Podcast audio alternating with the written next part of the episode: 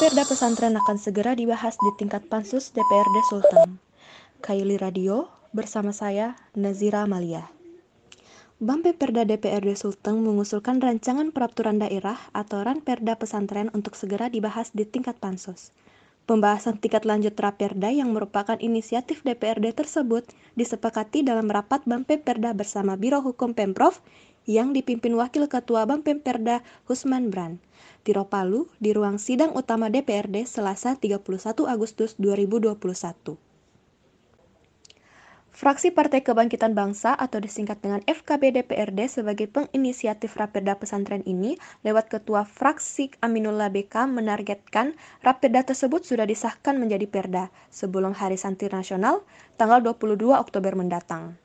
Selain Raperda Pesantren, Perda menyepakati juga tiga Raperda inisiatif DPRD untuk dibahas di tingkat pansus, seperti Raperda Penyidik Pegawai Negeri Sipil, Raperda tentang penurunan angka kematian ibu, bayi, dan stunting, serta Raperda tentang tanggung jawab sosial dan lingkungan.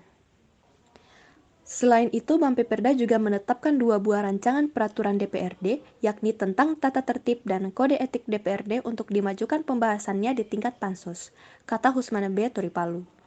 Mengingat padatnya jadwal kegiatan DPRD, Perda berharap praperda tersebut segera diajukan ke paripurna DPRD karena akan ada pembahasan KUA PPAS 2022 dan pembahasan perubahan APBD 2021, kiranya keenam Raperda dan dua rancangan peraturan DPRD tersebut dapat segera diajukan ke paripurna untuk pembahasan di tingkat pansus pada masa persidangan kedua.